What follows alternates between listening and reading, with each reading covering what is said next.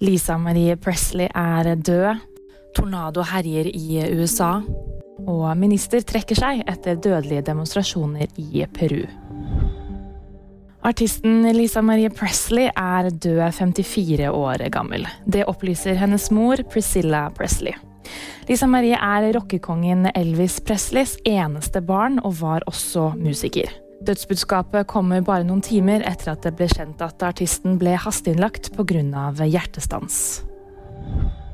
Minst seks personer har mistet livet i en tornado i delstaten Alabama. Det melder bl.a. NBC News og New York Times.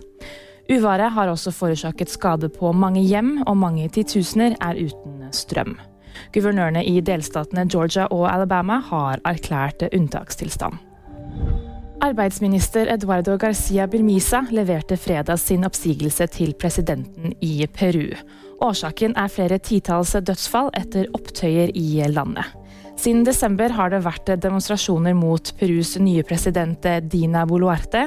Onsdag ble det kjent at presidenten, statsministeren og landets forsvars- og innenriksministre skal etterforskes for folkemord og drap. Dette etter at 47 mennesker så langt har mistet livet i opptøyene. VG-nyhetene fikk du av meg, Anna Julie Bergesen.